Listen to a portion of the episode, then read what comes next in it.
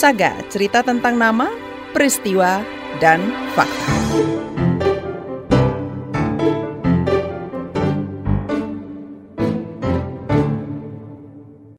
Sedikitnya 2.000 ton sampah menyesaki kota Medan, Sumatera Utara setiap hari.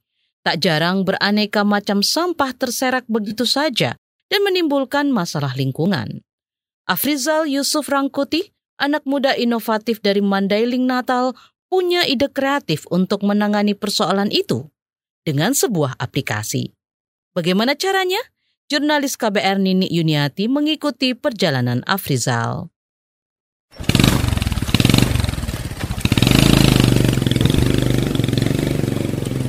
Pukul 10 pagi, Ridwan sudah memacu motornya di jalanan sekitar Universitas Sumatera Utara.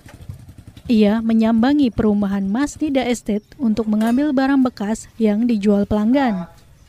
Di Medan, Profesi Ridwan disebut tukang botot. Ini 1 kilo 2000 plastiknya ditimbang. Ya ini 1 kilo kak. Dalam hitungan menit, satu kilogram botol plastik bekas sudah berpindah ke keranjang motor Ridwan, siap dijual ke pengepul besar atau toke pada sore hari. Tempat bosnya lah atau tempat pengepul lah gitu. Biasanya ya kita tolak sama toke lah ke sana gitu. Misalnya kan kalau kami ngambil ya buku katakanlah dia tuh kilo 500 kita jual 1000 gitu kan akuannya dua dua ribu nolaknya dua ribu lima ratus atau tiga ribu ya kadang-kadang ya naik turun lah harga pasaran ya kita nggak nggak tahu juga botol plastik bekas itu diperoleh Ridwan tanpa harus berkeliling dari rumah ke rumah. Ia memanfaatkan aplikasi bernama Kepul untuk menjaring pelanggan. Sejak bergabung sebagai mitra setahun terakhir pendapatan Ridwan bertambah. Tawarin lah terus saya ikut lah mau nggak ini masuk sama saya kan gitu ke kepul ini? Istilahnya mencoba kan gitu.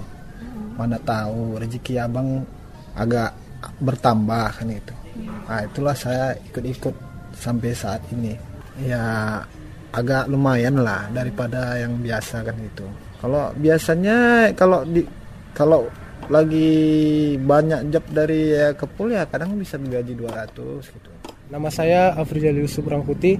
Saya uh, asalnya dari Mandailing Natal. Usia saya sekarang sudah dua, masuk 24 tahun. Saya alumni dari Fakultas Ilmu Komputer dan Teknologi Informasi Universitas Sumatera Utara. Afri adalah salah satu pendiri usaha rintisan atau startup kepul. Aplikasi ini menghubungkan masyarakat yang ingin menjual sampah ke tukang botot.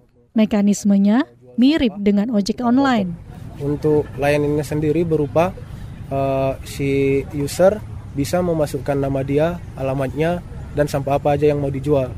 Maka notifikasi akan masuk ke kita dan kita akan menghubungi driver, driver menuju ke lokasi user dan melakukan transaksi di sana dan langsung dibayar cash kepada konsumen tersebut. Gagasan menciptakan Kepul muncul sejak Afri dan rekan-rekannya masih aktif kuliah di Fakultas Teknik USU. Mereka prihatin dengan timbunan sampah di Medan yang mengotori lingkungan. Nah, untuk developernya sendiri yang sudah aktif dengan kita ada lima orang, lima pengepul yang tersebar di beberapa daerah seperti di daerah Padang Bulan, Medan Sunggal, di di Tembung, di SM Raja. Kalau konsumennya kebanyakan sih dari pemilik-pemilik warung, pemilik kafe dan mahasiswa-mahasiswa yang punya uh, seperti laporan yang sudah nggak terpakai kan makalah-makalah yang sudah lama nggak digunakan seperti itu. Kepul sudah teruji. Aplikasi ini kerap memenangi kompetisi startup nasional maupun internasional. Pada bulan Agustus kemarin kita terpilih sebagai winner dari kategori startup company yang diadakan oleh Kominfo. Nama kompetisinya ID Up. Nah, di situ kita direkomendasikan untuk mengikuti Afikta dan setelah melalui seleksi alhamdulillah kita terpilih mewakili Indonesia di ajang Apikta di Guangzhou Cina pada tanggal 9 sampai 13 Oktober. Yang kita lihat tuh bukan uangnya tapi kepedulian terhadap Rizky Amalia adalah salah satu pelanggan tetap Kepul.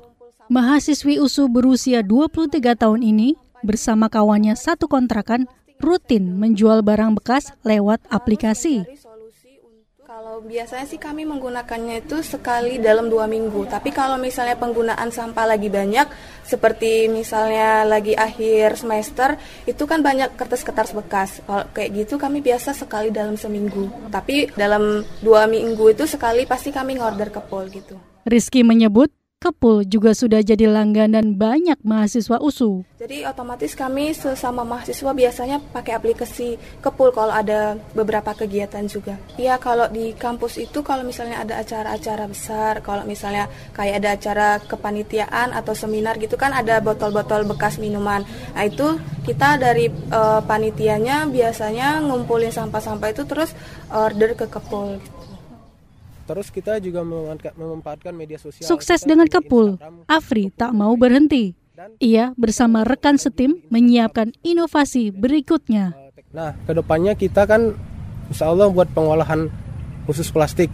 Nanti kita akan uh, menaikkan harga dari dari toke-toke botol itu sehingga si driver-driver kita ini lebih sejahtera lagi. Kita fokuskan ke plastik karena masalah di Indonesia Indonesia uh, plastik adalah salah satu pencemar lingkungan paling banyak seperti di laut, di danau, di sungai yang paling banyak uh, pencemarannya yaitu dari plastik sendiri. Dan kita ketahui plastik itu terurainya sangat lama, butuh puluhan tahun. Demikian Saga KBR. Saya Nini Yuniati. Terima kasih sudah mendengarkan.